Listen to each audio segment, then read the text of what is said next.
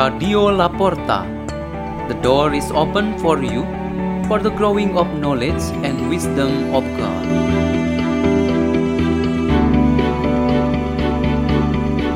by Odiri Meggison from Lagos, Nigeria.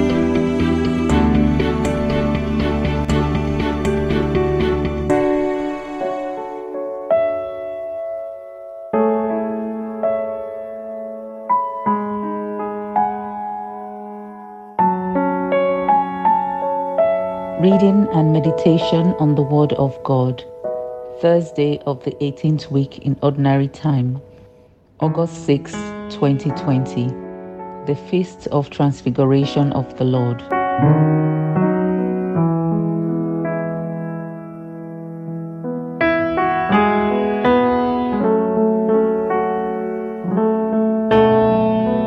The Gospel of Jesus Christ according to Matthew. Jesus took Peter, James, and his brother John and led them up a high mountain by themselves. And he was transfigured before them. His face shone like the sun, and his clothes became white as light. And behold, Moses and Elijah appeared to them, conversing with him. Then Peter said to Jesus in reply, Lord, it is good that we are here.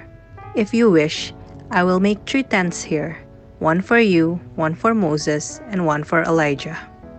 While he was still speaking, behold, a bright cloud cast a shadow over them.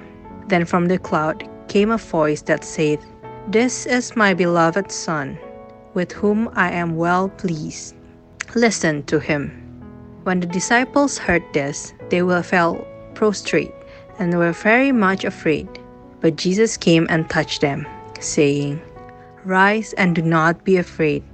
And when the disciples raised their eyes, they saw no one else but Jesus alone. As they were coming down from the mountain, Jesus charged them, Do not tell the vision to anyone until the Son of Man has been raised from the dead. The Gospel of the Lord.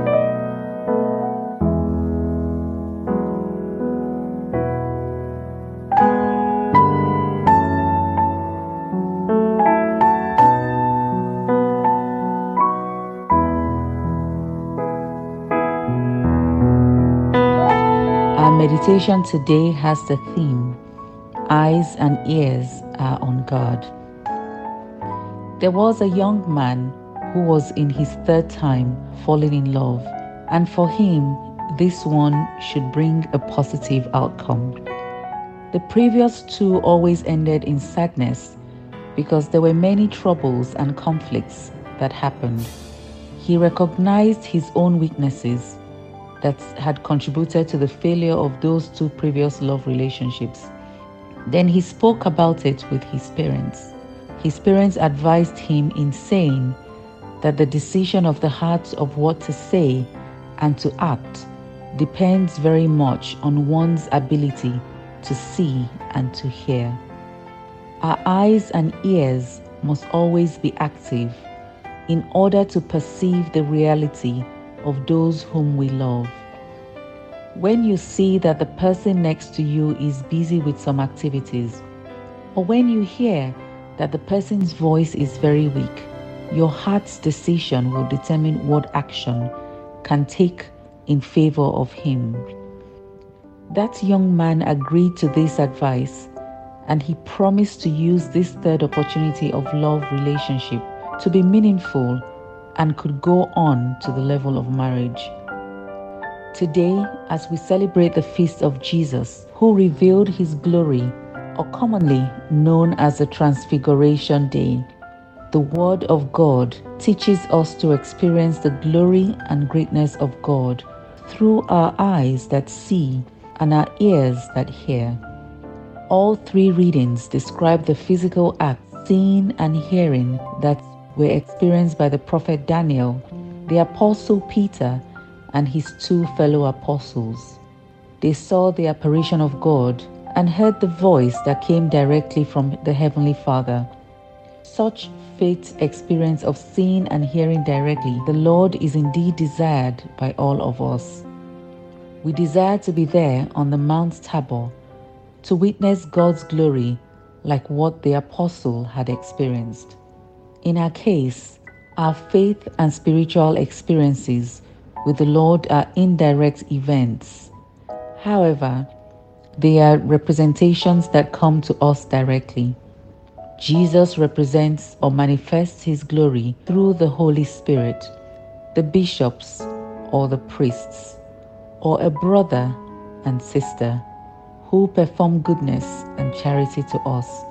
Jesus is truly present as a person from heaven, yet he is made into the Eucharistic bread, which we always worship and eat. Jesus also stands at the pulpit and says directly to us the divine word, yet he is represented by the preacher. Such experiences are highly esteemed and they indeed help our faith grow. Our eyes and ears are very instrumental for the growth of our faith. If we do not listen and see with proper intention and good attention, we will lose the experience of the glory of God present in others, the environment, and the events of our lives. Let us pray. In the name of the Father, and of the Son, and of the Holy Spirit. O most loving Lord, may we always want to see and hear you in every situation of our lives. Hail Mary, full of grace, the Lord is with you. Blessed are you amongst women, and blessed is the fruit of your womb, Jesus. Holy Mary, Mother of God, pray for us sinners, now and at the hour of our death. Amen. In the name of the Father, and of the Son, and of the Holy Spirit. Amen. Radio La Porta.